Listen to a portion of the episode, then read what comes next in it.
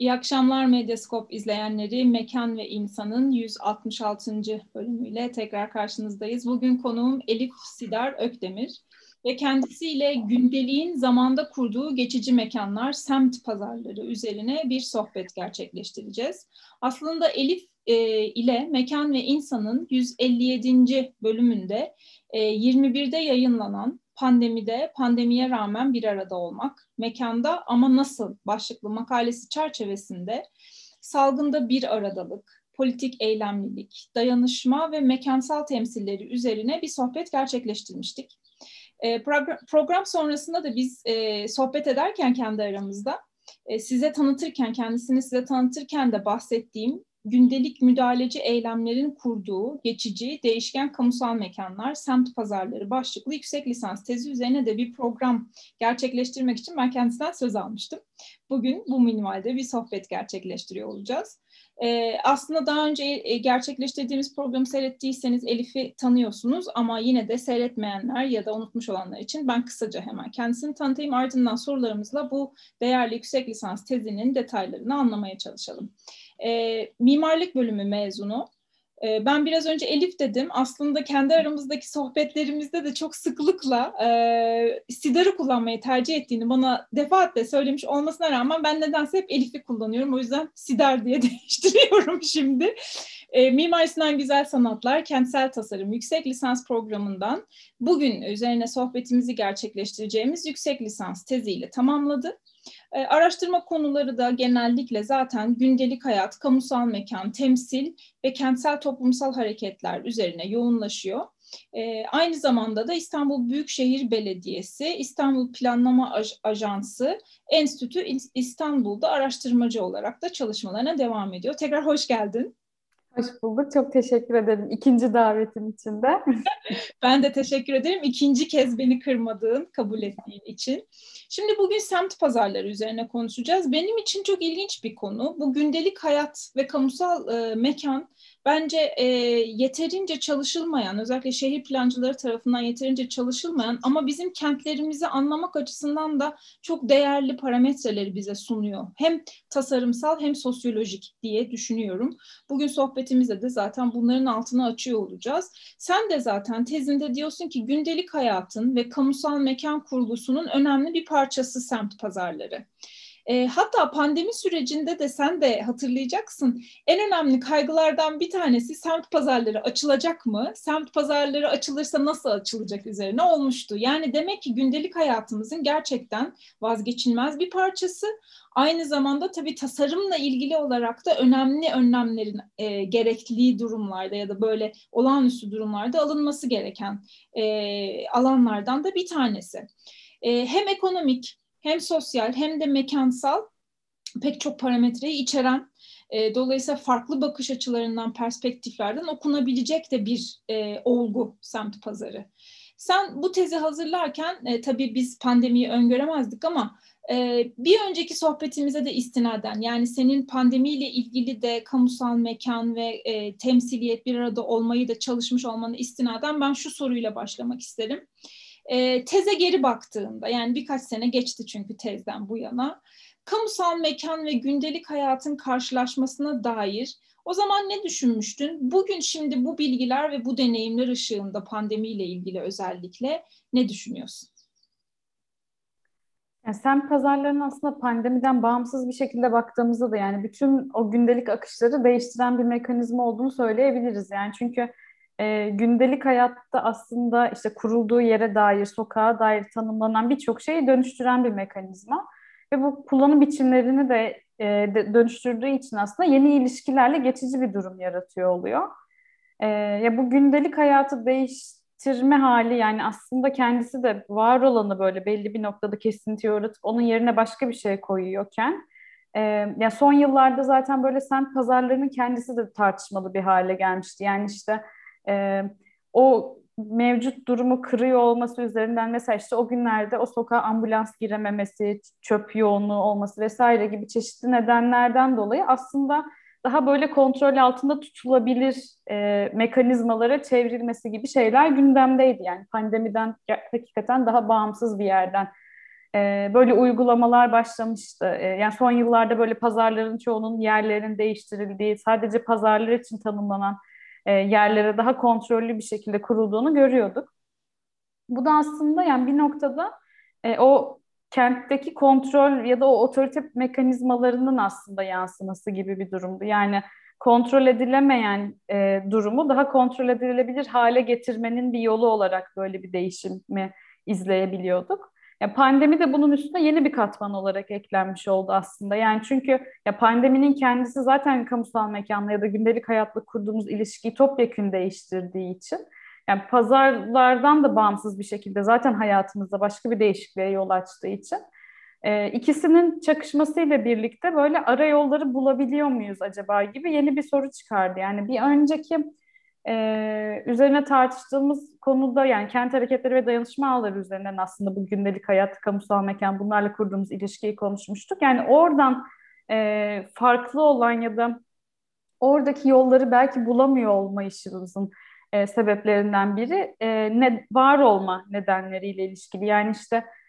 e, pazarların işte bazen kurulmadığını gördük, bazen kontrollü giriş çıkış gibi şeyleri gördük, sayı kısıtlaması olduğunu gördük ya da satılan ürünlere kısıtlama geçirildiğini yani böyle daha tanımlı e, uygulamalara geçildiğini gördük. Ama buradan o gündelik hayattaki alan açma yöntemlerimizin hangisine kadar deneyebildik? Orası daha böyle kesintiye uğramış bir alana dönüştü. Yani bu da aslında o eylemin e, belki de yani oradaki var olma nedeninin e, kendisinden kaynaklı bir şeye dönüşüyor. Yani çünkü aslında bu çalışma kapsamında e, kamusal mekanda müdahale eden e, bir sistem olarak tarif ettiğim e, pazarlar müdahale etmek için var olmuyor. Yani var olduktan sonra böyle bir etki yaratıyor.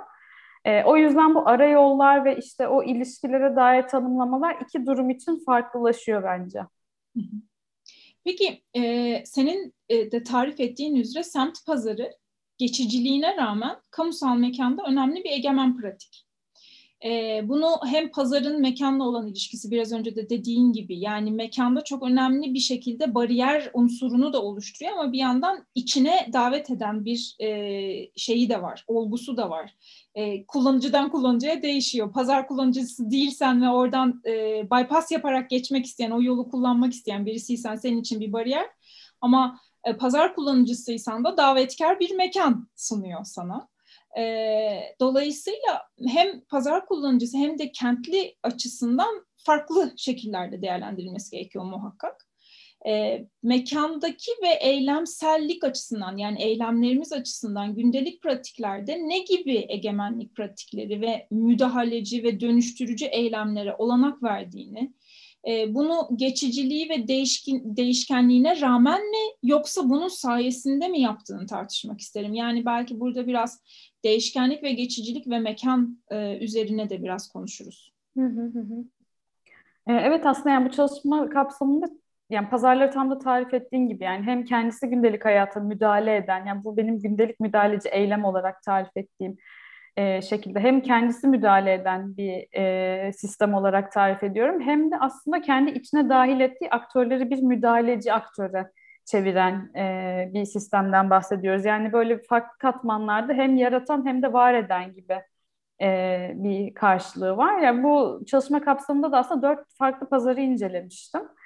E, yani bunların da böyle bu aktörlerin ilişkileri birbirleriyle kesişen halleri, kamusal mekanda tanımladıkları yani işte bu güç ilişkileri ya da egemen pratikler, farklı zamansallıklar ve eylemler üzerinden böyle birbirine geçişli bir inceleme yapmıştım. Ya burada da aslında böyle hem fizik mekanın nasıl örgütlendiği hem o toplumsal ilişkilerin nasıl dönüştüğü yani o müdahale etme yöntemlerinin çeşitliliği ve onların etkileri üzerine aslında e, böyle her şeyi parçaladığım bir e, çalışma yöntemi izlemiştim. E, ve bunun get bana getirdiklerinden biri de aslında yani o müdahale biçimlerinin birbirlerinden nasıl farklılaştığı nedensellikleri ve yani böyle daha biricik olduğu bir duruma yönelten bir şey olmuştu. Yani e, bunların ne gibi şeylerden etkilendiği yani bir yandan da bu dört farklı pazar e, örneği e, yani birbirinden de böyle birçok anlamda değişkenleri barındıran e, örnekler. E, ama yani bu işte zaman, mekan ve aktörler üzerinden birbirleriyle kurdukları ili, yani birbirlerinden farklılaşan ve böyle o öznel durumun tarif edildiği bir noktaya gelmiştik ve işte geçicilik, değişkenlik yani bunların hepsini bir anlamda da daha e, ortaklaştıran şeylerden biri. E, yani bu bir, bir, bunlara rağmen mi, bunların sayesinde mi sorusuna vereceğim şey sayesinde olur sanıyorum ki. Çünkü e, aslında o, yani onun geçici bir mekan olması o hem fiziksel esnekliği sağlayan şey hem yeni ihtimalleri açan şey e, yani aslında bütün o müdahaleci durumu yaratan ve o potansiyelleri taşımasını sağlayan şeylerden biri. Ee, ve bir yandan da yani o geçici durum aslında kendisinin e, sabitlenmemesi ve işte yeni bir güç ilişkisi tarif etmemesini de sağlayan bir şey. Yani o sabitlenmenin ve norma dönüşmenin kendisini de engelleyen şeylerden biri. Yani hem kurduğu ilişkiler üzerinden hem de fiziksel mekan üzerinden. E, o yüzden e, ya bunun böyle kalıcı olup güçlü olan değil de geçici olup sürekli kendini yeniden üreten e, olmasını sağlayan bir durum olduğunu düşünüyorum. Yani bu yüzden de aslında çok potansiyelli e, geliyorlar. E, senin de söylediğin gibi dört e, pazarda çalışmışsın ve bunlar farklı, e, birbirinden farklı niteliklere sahipler. Fatih Çarşamba Pazarı, Bolluca Semt Pazarı, Yeşilköy Sosyete Pazarı ve Dolapdere Bit Pazarı. Sosyoekonomik aynı zamanda mekansal olarak farklı kitlelere hitap ediyorlar. Farklı ürün alışverişine olanak veren pazarlar bunlar. Ee, biraz aslında senden şey rica edeceğim. Bu dört pazarı bize kısaca tanıtır mısın? Ve e, bir de bu çalışma açısından niye değerli buldun bu dört pazarı diye sormak. Ee, belki küçük bir ekran paylaşımı yapabilirsem size birkaç şey gösterebilirim. Bir saniye bekleteceğim.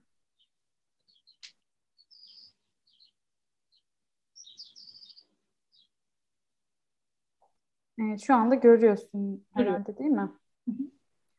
Ee, yani evet aslında bahsettiğim gibi dört farklı pazar inceledim. Bunlardan bir tanesi şu en üstte görmüş olduğun aslında Fatih Çarşamba Pazarı. Ee, ya bunların her birini birbirinden e, farklı özellikleri üzerinden aslında seçtim. Yani burada temel aldığım şey de e, pazarlarda bulunan aktörlerin farklılaşmasıydı. Yani bu dört pazarı birbirinden e, ayıran en önemli e, faktör benim için aktörler ve onların kurduğu güç ilişkilerini tarif etmekti. E, Fatih Çarşamba Pazarı yani geleneksel kurulan bir sokak pazarı aslında. E, haftanın bir günün işte e, belli aksar üzerinden, belediyenin tanımladığı sokaklar üzerinden kurulan kurulduğu zaman da çevredeki dükkanların da aslında pazar gibi bir eğilim gösterdiği yani onların da böyle dışarıya malzemelerini attığı ve aslında o mekanı kendi tanımladığı alandan daha fazla, daha geniş bir e, bütüncüllükle de dönüştüren bir pazar. E, bu diyagramları belki okumanın yöntemi olarak şu şeyden bahsedebilirim. Yani şu ortadaki aslında yani hangi aktörlerin olduğu ve onların birbirleriyle e, olan ilişkilerine dair e, bir diyagram. E, en sağdaki de aslında böyle timeline gibi okunabilecek bir diyagram. Yani çünkü aslında her aktör e, mekanına farklı zaman dilimlerinde dahil oluyor ve birbirlerini aslında farklı şekillerde etkiliyorlar. Yani hem birbirlerini hem de o fizik mekanı farklı şekillerde etkiliyorlar. Yani bu dört pazar için bu dökümü yapıyor olmak aslında birbirleriyle hem karşılaştırılabilir bir zemine getiriyor. Hem de o hangi aktörün ne yarattığını görmek iyi sağlıyor. E, bir diğer örnek Bolluca Pazarı. Aslında burası e, Çinici mimarlık tarafından tasarlanmış bir kapalı bir pazar alanı. Yani bir tanesi geleneksel sokak pazarı iken bir diğeri bir tasarımcının e, elinden çıkmış bir sokak paz e, bir kapalı pazar alanı ve yani tasarlanmış olduğu için aslında birçok sistem düşünülmüş. Yani işte Diğerinde o, bütün askı sistemleri kurul, kendileri tarafından kuruluyorken yani kendi dükkanını her gün yeniden inşa ediyor gibi bir durum varken burada o askı sistemleri neyin nereye asılacağı belli, nereye yerleşeceği belli ve böyle e, kapalı bir alanda gridal bir sistem oluşturulmuş. Yani bir so- yeni bir sokak sistemi tarif edilmiş büyük bir boşluğun içinde gibi bir durum var. E, bir sonraki örnek aslında e, Yeşilköy Sosyete Pazarı. E, Yeşilköy Sosyete Pazarı da biraz daha böyle şey, e, yani belediyenin daha etkin olduğu e, alanlardan biri. Burası da yarı açık bir pazar alanı. Yine mekansal olarak diğerlerinden farklılaşıyor. e, pazarcılar odası ve belediyenin böyle işbirliğinde kurgulanmış bir alan. Yani aslında bir üst örtü, bir çatı sistemi var ve onun altında yine böyle sokaklar olarak tasarlanan bir yer var. E, buradaki mesela işte, yani burası mesela sosyete pazarı ve diğer pazarlarda görmediğimiz şekilde burada hamalları görüyoruz falan gibi. Yani bu aktörler de aslında o, yani o sosyoekonomik duruma göre değişen şeyleri de görüyoruz aslında. Yani sadece fizik mekan değil o bütün ilişkiler bütünlüğü nasıl dönüştüğünü görüyoruz. E, son örnekte aslında e, Dolapdere Bit Pazarı. Yani burası da e, aslında illegal kurulan bir pazar. Yani diğerlerin hepsinden farkı. E, ve böyle aslında toplama eşyaların satıldığı bir pazar. E, böyle sabit noktalarını bulmakta zorlanılan, biraz daha böyle her yere tutunarak mekan kuran bir pazar. Yani aslında bu dediğim gibi dördünün... E, bütün aktörlerin yani var olan aktörler onların birbirleriyle ilişkileri ve mekana tezahür etme biçimleri farklı ve başından itibaren aslında hani yani te, tez, e, ya bu araştırmanın ana sorusu benim için şeydi. Yani bu müdahaleci eylemlerin kendisi kamusal mekanda neyi dönüştürüyor gibi bir soruydu. Bu soruya cevap vermek için de aslında böyle bir yelpaze belirledim kendime. Peki. Ben e, şeyi de merak ediyorum. Tabii pazar çalışmak e, zor. Ee, ve sen pazarı sadece fiziksel açıdan da değerlendirmemişsin. Bütün e, bize biraz önce gösterdiğin kısmı aslında e, bir zaman e, içerisinde aktörlerin nasıl birbirleriyle örtüştüklerini ve mekanda bunların nasıl bir düzende ya da düzensizlikte var olduklarının ve örtüşmelerini gösteriyorsun. Ama e, bunun yanı sıra aynı zamanda niteliksel olarak da bir araştırma var e, arka tarafında. Senin tüm bu müdahale, eylem ve aktörlerle ilişkili e, değerlendirme yapman için belki biraz bize e, bu e, şeyi anlatırsın. Nasıl bir yöntem izledin?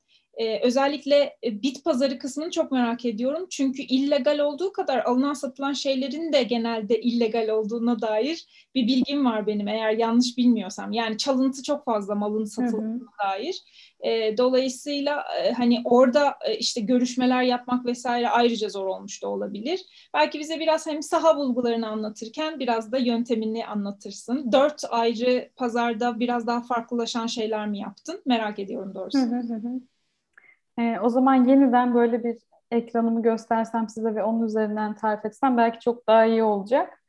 E, yani aslında böyle bir e, standart diyebileceğimiz bir izlek üzerinden ilerledim bir yandan ama yani bu yöntemin bu çalışmanın tam olarak merkezi olduğunu ve çalışmayı var eden şey olduğunu düşünüyorum aslında. Yani hem e, sonuca götürürken hem de o sürecin kendisini gerçekten var eden şeylerden biri. Ee, yani aktörler aslında çok belirleyici olduğu için yani başta o aktörleri ve ilişkilerini çözümlemek üzerine gidiyorken yani böyle üç ana katmandan bahsetmek mümkün aslında bu e, yöntemin daha doğrusu o izleyi tartışırken yani bir tanesi o aktörlerin kim olduğu, nasıl müdahale ettiği ve neler yaptığı mekanda. Daha sonra o mekan kurulduk yani o geçici mekan kurulduğunda fizik mekanı parçalayarak bakmak. Yani işte bunlar tezgah sistemleri, üst örtü sistemleri, sabit düzenekler, yardımcı elemanlar diye tarif ettim. Yani böyle giden bir liste ve hangi pazarda neleri görüyoruz, nasıl çeşitleniyor bunlar. Ee, o çeşitlenen tekil durumlar bütüncül olarak ne yaratıyor ve aslında e, o mekanın içine girdiğimizde artık e, var olan ilişkilerin e, alternatifi olarak ne koyuyoruz yerine? Yani o bütün ilişki biçimleri nasıl dönüşüyor gibi e, bir şey vardı. Yani böyle bir izlek vardı benim için. Ve şundan bahsetmek isterim yine. Yani aslında bu ya merkezine oturuyor dediğim şey böyle üç aşamalı bir e, izleye dönüştü benim için. Yani bir tanesi böyle o durumu, o geçici durumu fotoğraflama ve öncelikle kaydetme. Sonra aslında filtreleme dediğim aşama. Yani o gündeliğin içinde yanından geçip gittiğimiz şeyin bilgisini çıkarmak için aslında tek bir yere filtreleyip bakma. Ve sonra bunu aslında böyle bir yani çizimi kullanarak yani daha soyut bir düzlemde e, onun bilgisini ayıklama gibi yani ve bir kavrama dönüştürme. Aslında bunun hakikaten yani bu çalışmanın tamamen merkezi olduğunu düşünüyorum e, bu aşamada. Yani hem çünkü bu hem ölçekler arası gidiş gelişi sağlayan şeylerden biri hem kamusal mekanın hakikaten nasıl dönüştüğünü tarif etmemi sağlayan şeylerden biri. E, ve böyle hem tekil olanı hem bütüncül olana bakıp üstüne bir de o ilişkilerin nasıl dönüştüğünü tarif etmeyi sağlıyor. yani böyle bulgular üzerinden bahsedelim dediğin için belki şeyden de bahsetmek mümkün. Yani iki tane temel bulgudan bahsedebiliriz belki. Bütün bu çalışmanın hani daha detay şeyini bir kenara koyduğumuzda. Bir tanesi bütün bu tekil mekanlara baktığında yani burada şu an ekranda gördüğün aslında dört pazardaki bu tekil mekanların yani o biraz önceki gibi üç aşamalı e, yöntem izleyinden geçmiş tekil mekanların hepsini görüyoruz. Ve burada aslında yani birbirinden normalde farklı gibi görünen ama aslında bunu bir kavrama ya da bir soyut bir düzleme taşıdığımızda birbirine benzeyen mekanların alt alta dizildiğini görüyoruz. Yani mesela şu şeylerden birine böyle daha yakından bakacak olursak şu dükkan örneğinde aslında mekanın tarif ettiği hep böyle içine girilebilir ve dolaşıp çıkılabilir bir mekan tarif ediliyor. Üç farklı pazarda görmüşüz ama yani buna ilk baktığımızda aslında aynı şeyi tarif etmediğini düşünebiliriz. Yani bu da bize aslında böyle e, daha spontane tasarlanmamış olarak görünen şeyin aslında çok da olmadığına dair bir bilgi veriyor. Yani daha böyle değersiz görünen ve gündeliğin içinde böyle kayıp giden bilgiyi yakalamanın bir yoluna dönüşüyor aslında bu yöntemi kullanmak ve böyle bir gruplama yapıyor olmak. E, aynı zamanda yani bu, bu yöntemle bakınca şeyi de görüyoruz. Yani bütün bu mekanların kurulma nedenselliklerini de görüyor oluyoruz. Yani çünkü aslında bu mekanların dördünün de mesela bu dükkan örneğinde dördünün de farklı olmasının sebeplerin var bir sürü. İşte bir e, var oldukları mekanın bilgisi ve referansı aslında farklı. Satılan ürün farklı. E, kullandıkları malzemeler farklı, sınırlar farklı gibi aslında yani belli nedenselliklere bağlı bu mekanların üretildiğini görüyoruz. Bu da aslında yani tasarlanmamış dediğimiz şey gerçekten öyle mi gibi bir e, soruyu getiriyor. Yani bu gruplama da aslında bu tasarım bilgisini çıkarmanın bir yöntemi oluyor bizim için. Yani birinci bence en önemli şeylerden biri buydu yani hani bulgular üzerinden konuşuyorsak. E, ikincisi de aslında yani bu tekil mekanların bir araya geldiğinde yarattığı şey. Yani çünkü e, bunların hepsi böyle yan yana dizildiğinde e, farklı bütüncül bir şey sunuyor sokağa dair. Bu Fatih Çarşamba Pazarı'nın örneklerinden biri. Yani ben bu aslında e, şeyi çünkü bütün pazarlar üzerinden inceledim ama şu an gösterdiğim sadece bir tanesi. E, yani esasında aslında kaldırımı, işte yaya yolu, e, araç yolu belli olan bir e, sokağa e, geçici olarak böyle bir sistem yerleşiyor ve bütün kullanım e, alanları değişiyor. Yani o tekil e, mekanların e, aslında bir araya gelişi de böyle e, as, ya bir daha aynı şekilde tekrar etmesi imkansız bir durum yaratıyor. Yani o yüzden böyle gerçekten hem o tekil mekanların biricikliği hem de o bütüncül sistemin biricikliğinden bahsetmek mümkün. Çünkü çok fazla değişken var ve birebir önüm yani bir sonraki hafta birebir kurulması neredeyse imkansız bir e, hale dönüşüyor. Bu da aslında yani o başta tarif ettiğim e, aktörlerin güç ilişkileri ya da yerin bilgisinin yani bütün bunların çakışması ve üstüne bir de zaman katmanının eklenmesiyle e, bana böyle şey gibi bir şey getirdi. Yani bu aslında zamanın bilgisi. Yani çünkü e, o yer ve zamanın karşılaşmasıyla oluşan bir mekansallıktan bahsediyoruz. Bir daha tekrar etmesinin olanak olmadığı bir şeyden bahsediyoruz. Ve aslında bu yerin ve zamanın çakışmasının bilgisi ve böyle gündelik hayatın kendi bilgisi gibi e, bir şeye tekabül ettiğinden bahsetmek mümkün bence. Yani bu ikisinin e, yani merkezine oturan yöntem de aslında bir anlamda şey olduğunu da düşünüyorum. Yani böyle etik bir karşılığı olduğunu da düşünüyorum bunun çünkü. Yani kendi alanından yani mimarlık alanından baktığımda. Çünkü böyle daha kıymetsiz ve işte e,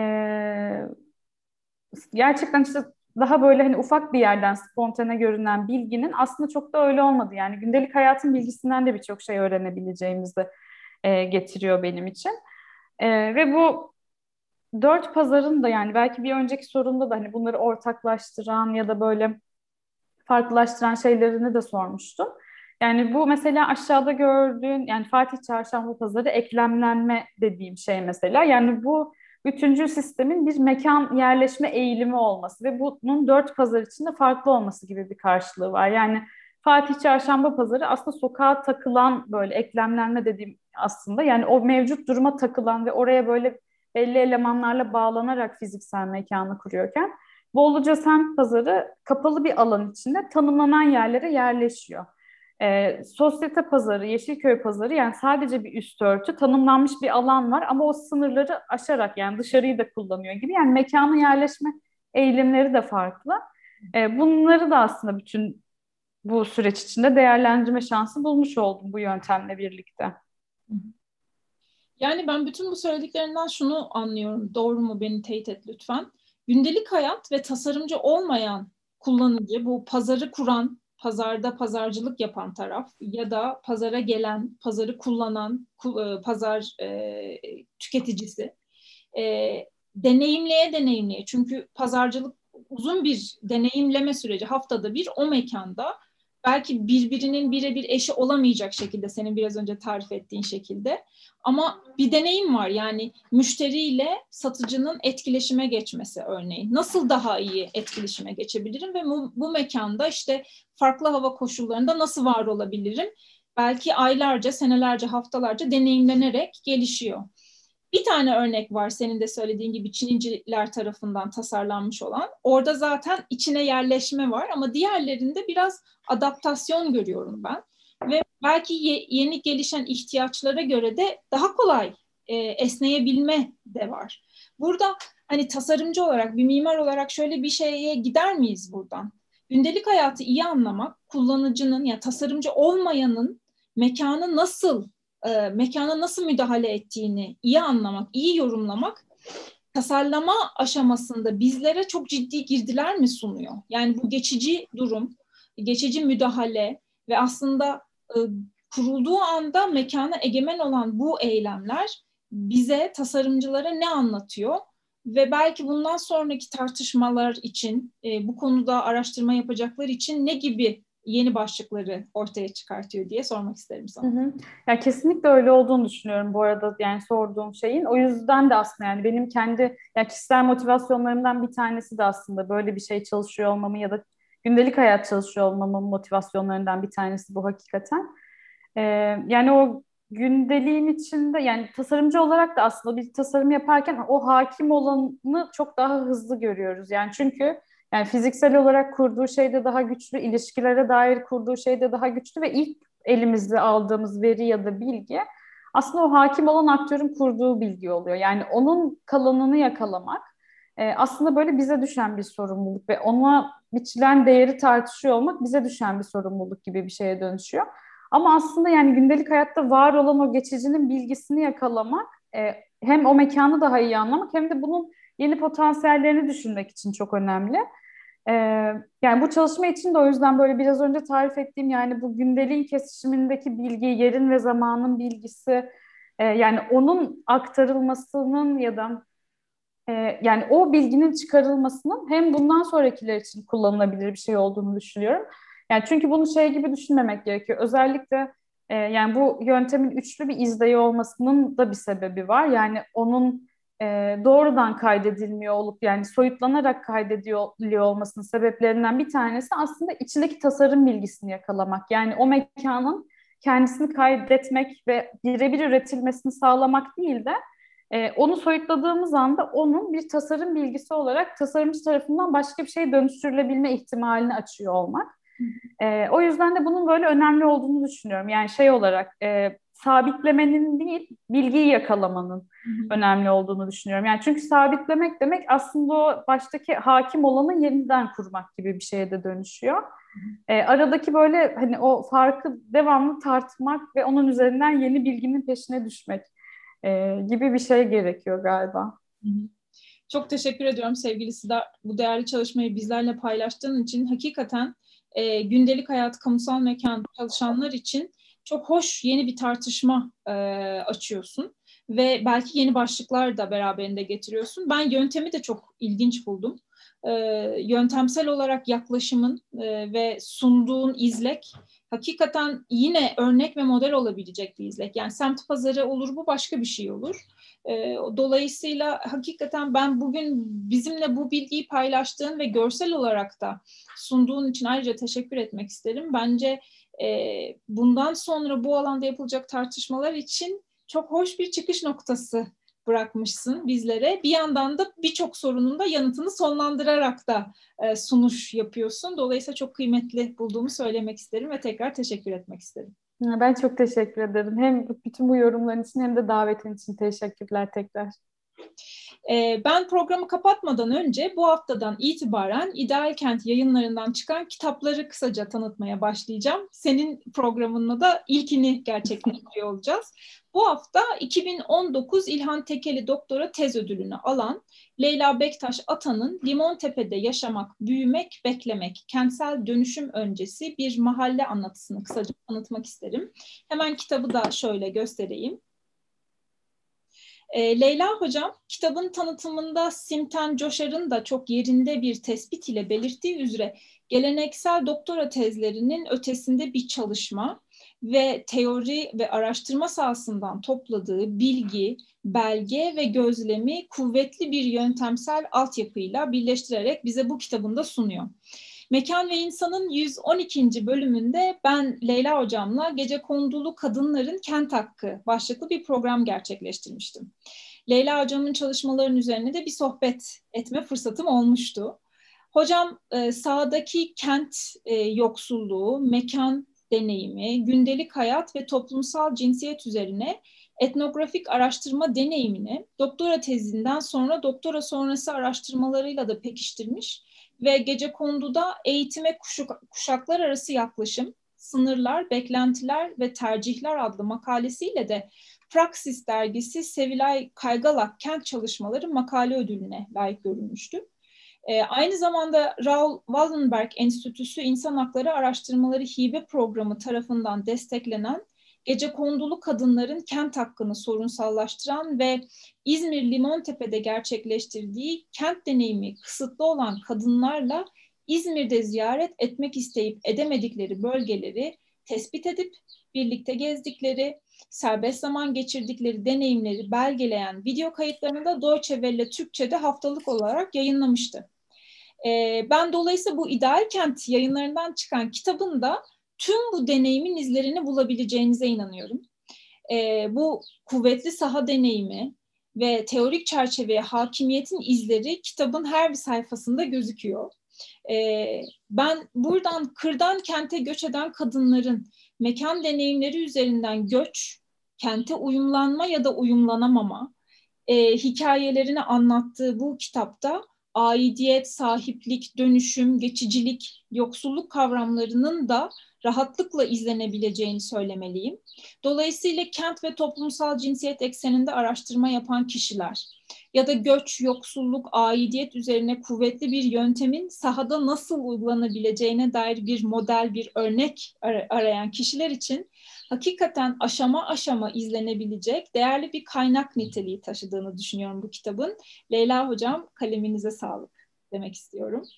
Ee, ve gelecek hafta pazartesi 19 Temmuz Kurban Bayramı arifesine denk geldiği için program yapmayacağımızı da böylelikle haber vermek isterim ama programımız bayram sonrası ilk e, programda 26 Temmuz pazartesi 19'da Duygu Toprak'la birlikte hazırladığımız Ortaklaşa Mekan'ın 6. bölümüyle karşınızda olacağız. Şimdiden herkese iyi bayramlar dilerim. İyi akşamlar.